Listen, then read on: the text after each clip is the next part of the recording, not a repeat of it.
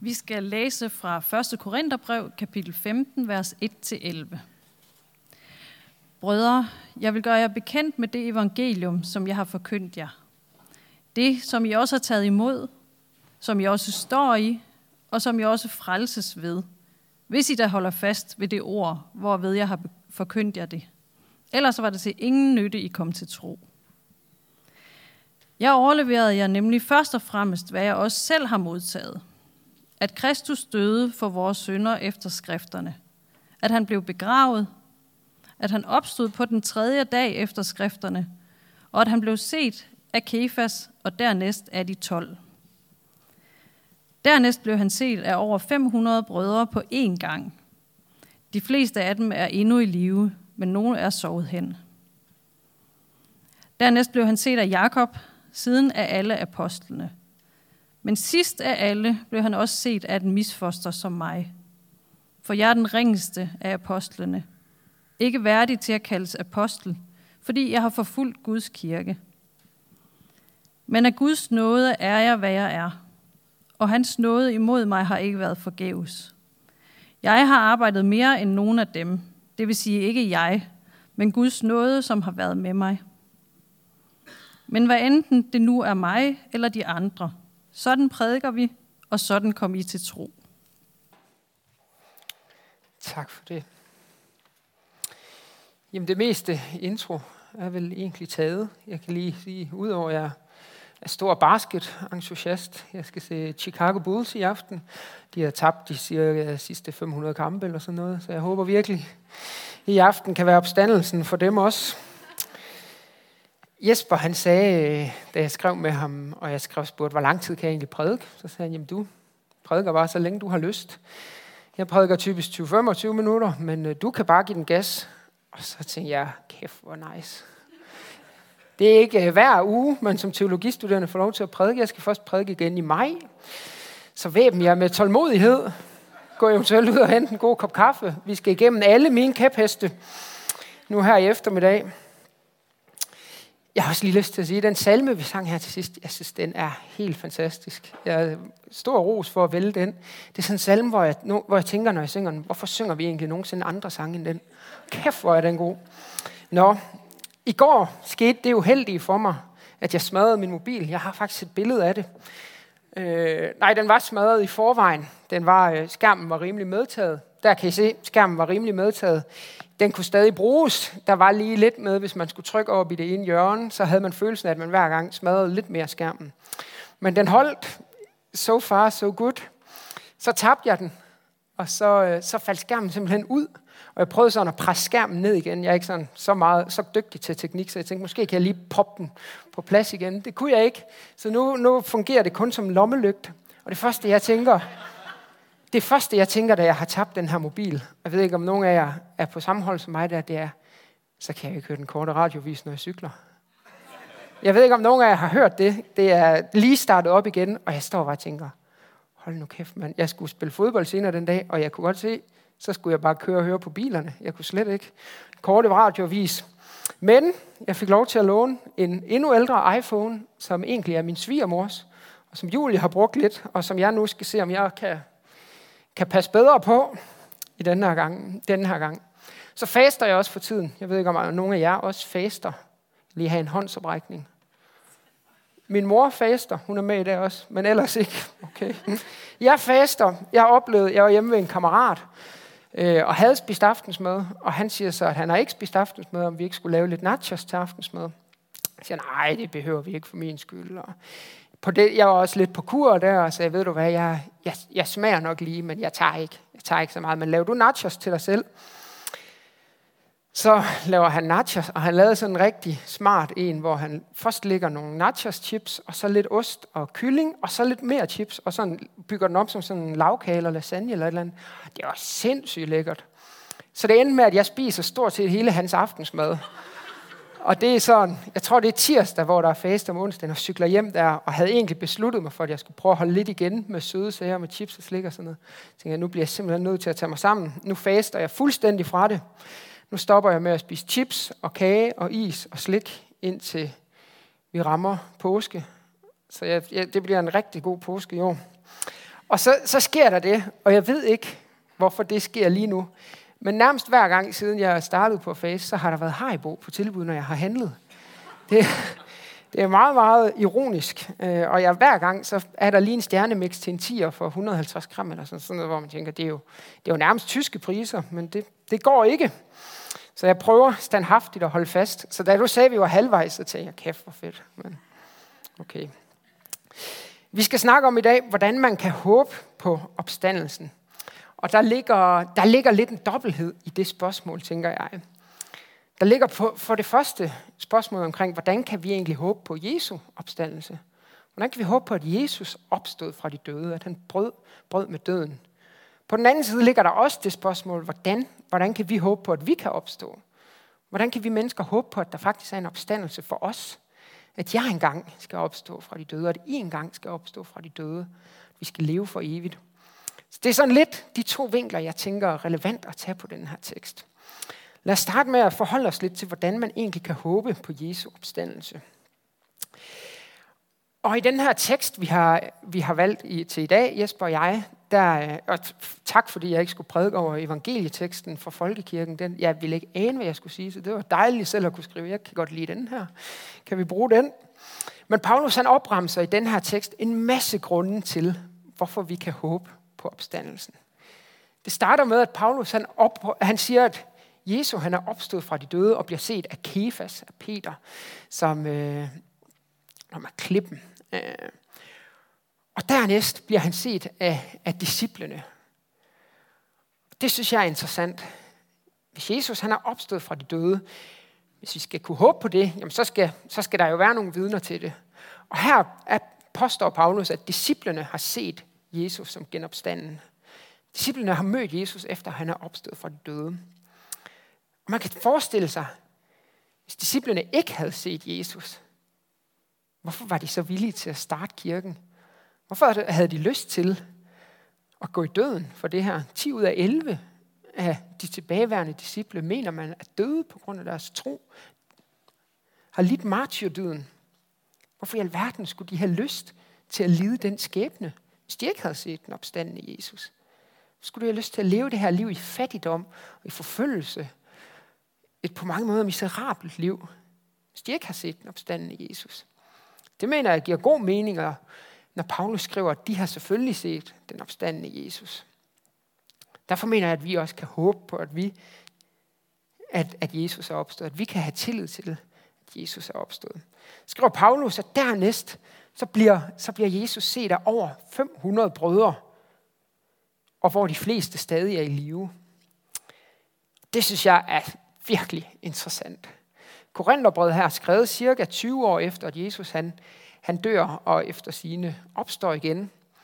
Og der er ikke andre steder i Bibelen, hvor der bliver henvist til, at Jesus han, han møder 500 mennesker samtidig.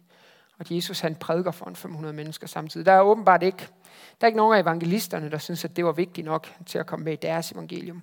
Men det skriver Paulus om her, at der er 500 mennesker, der bevidner, at Jesus er opstået fra de døde. Og Paulus, han var en meget, meget intelligent mand.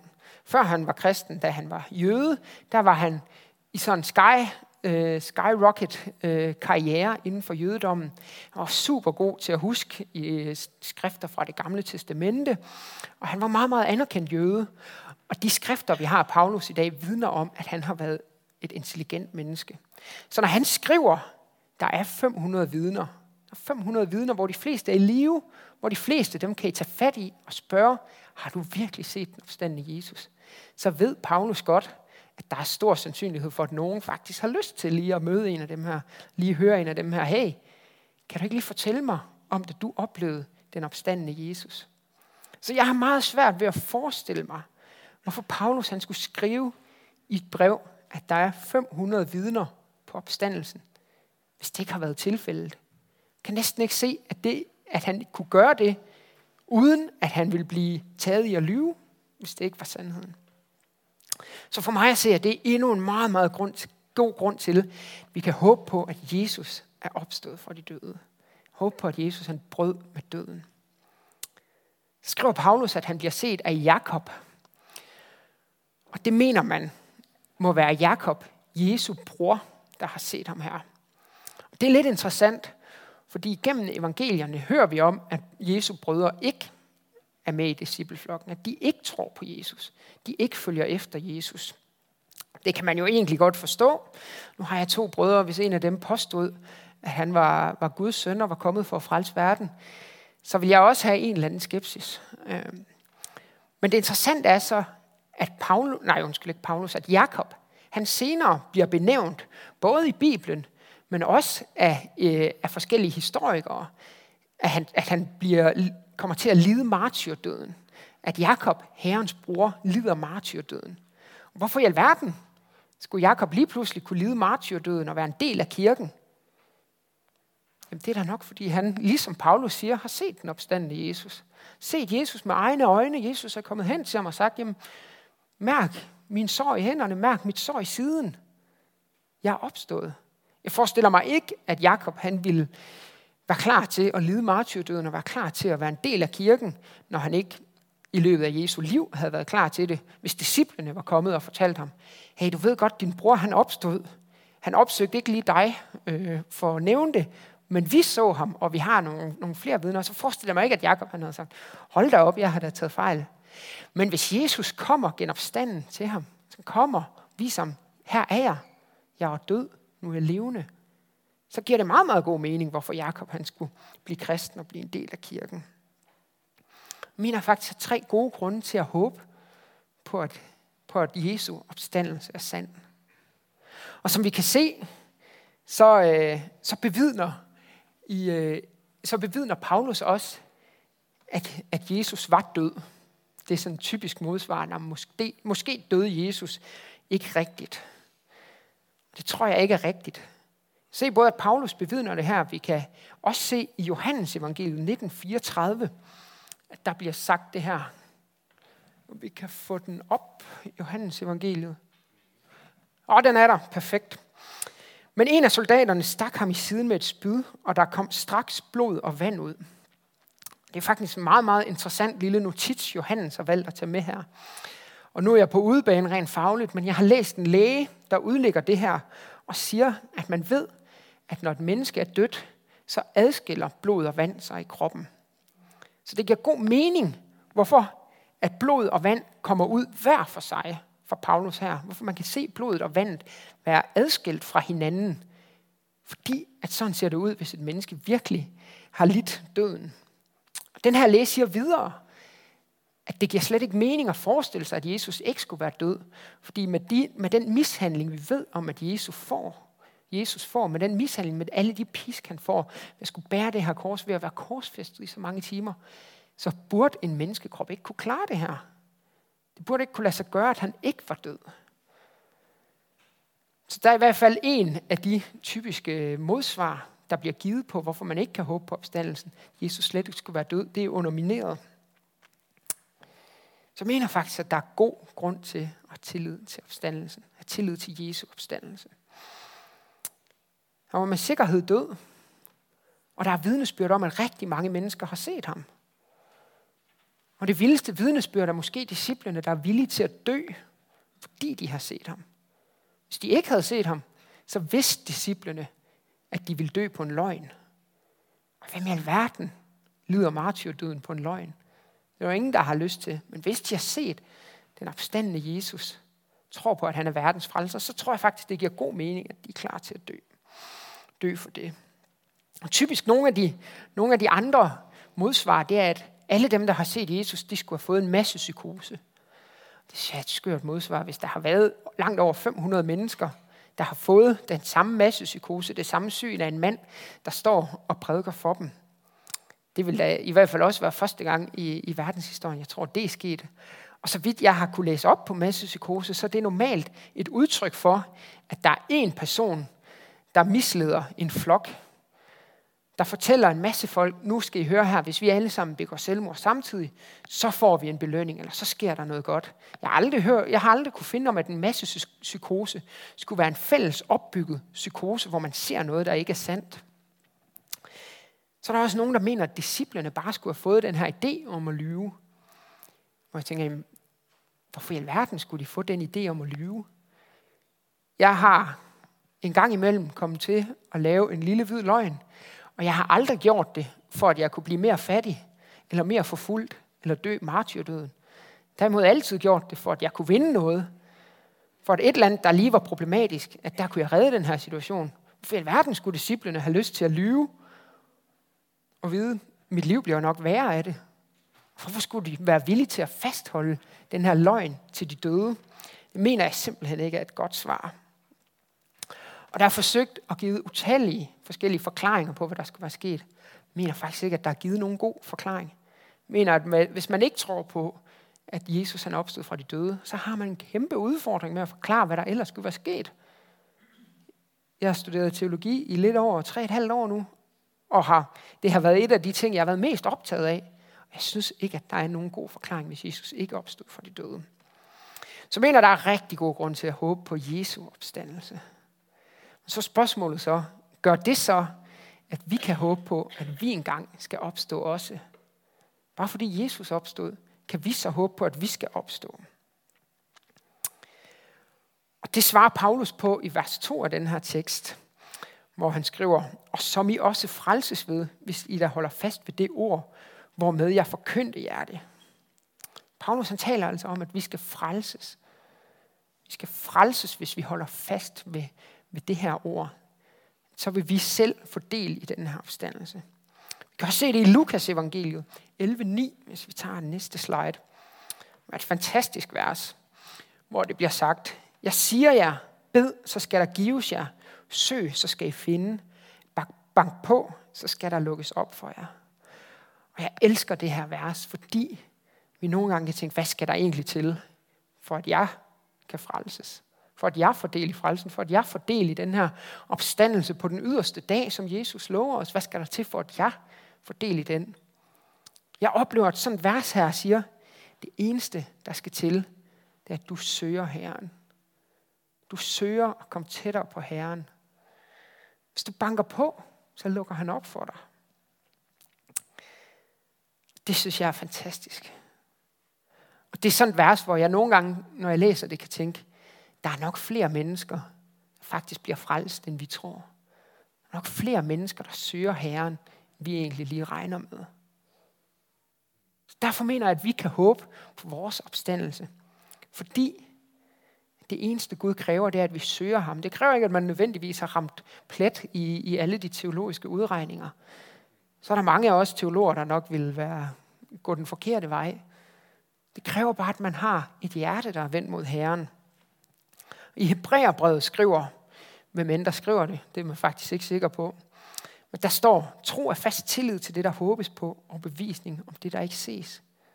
Så tror på, at vi kan håbe på opstandelsen, hvis vi har tillid til Herren. Vi har tillid til, at Gud han, han vil komme, og at Gud han vil udfri os, og at Gud han vil frelse os. Jeg tror faktisk ikke, det kræver så meget mere. Og fordi jeg mener, der er gode argumenter for at tro på Jesu opstandelse, så mener jeg, at vi også kan håbe på vores opstandelse. Når Jesus kunne bryde med døden, og han lover os, hvis du er villig til at tro på mig, hvis du søger mig, så vil jeg også frelse dig, så vil jeg også lade dig opstå. Mener jeg faktisk, at der er rigtig god grund til, at vi kan håbe på vores egen opstandelse også. Og det er ikke den første, der mener. Vi har i Folkekirken fem bekendelseskrifter, og, øh, og jeg ved ikke, om I kan dem. Det vil overraske mig, hvis I kunne dem. Det er vores øh, tre trosbekendelser. Den atanianske trosbekendelse, den apostolske trosbekendelse og den nikeno-konstantinopolitanske trosbekendelse. Det kræver træning, hvis man skal sige det. Det er lidt ligesom apologetik.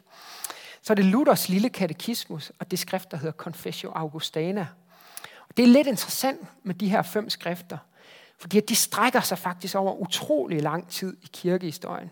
Strækker sig helt nede fra omkring, da kirken bliver en statskirke i Rom, og helt op til Luther. Og i alle de her skrifter, der bliver der talt om, både at Jesus opstod fra de døde, men også at vi mennesker skal opstå fra de døde. Vi kan håbe på vores opstandelse.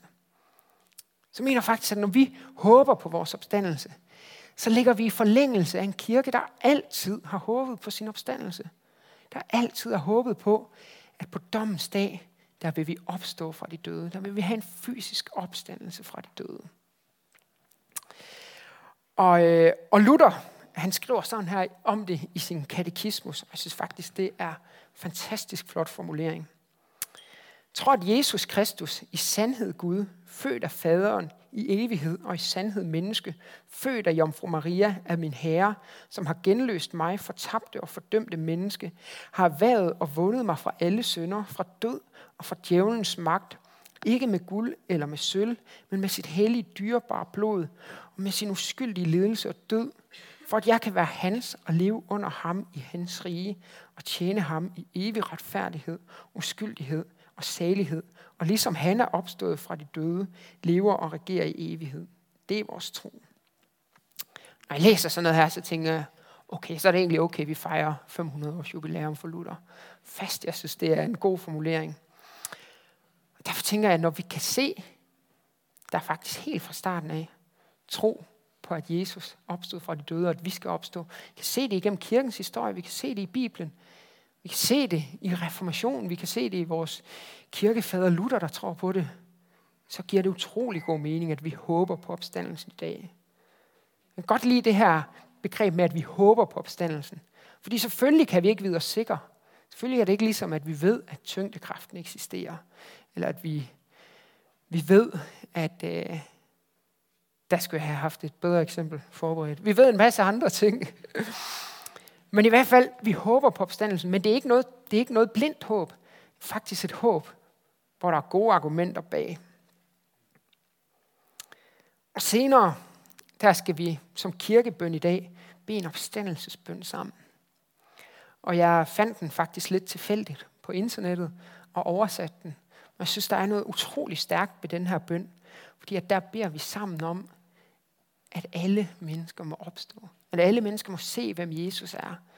Både svag og stærk. De må se, hvem Herren er.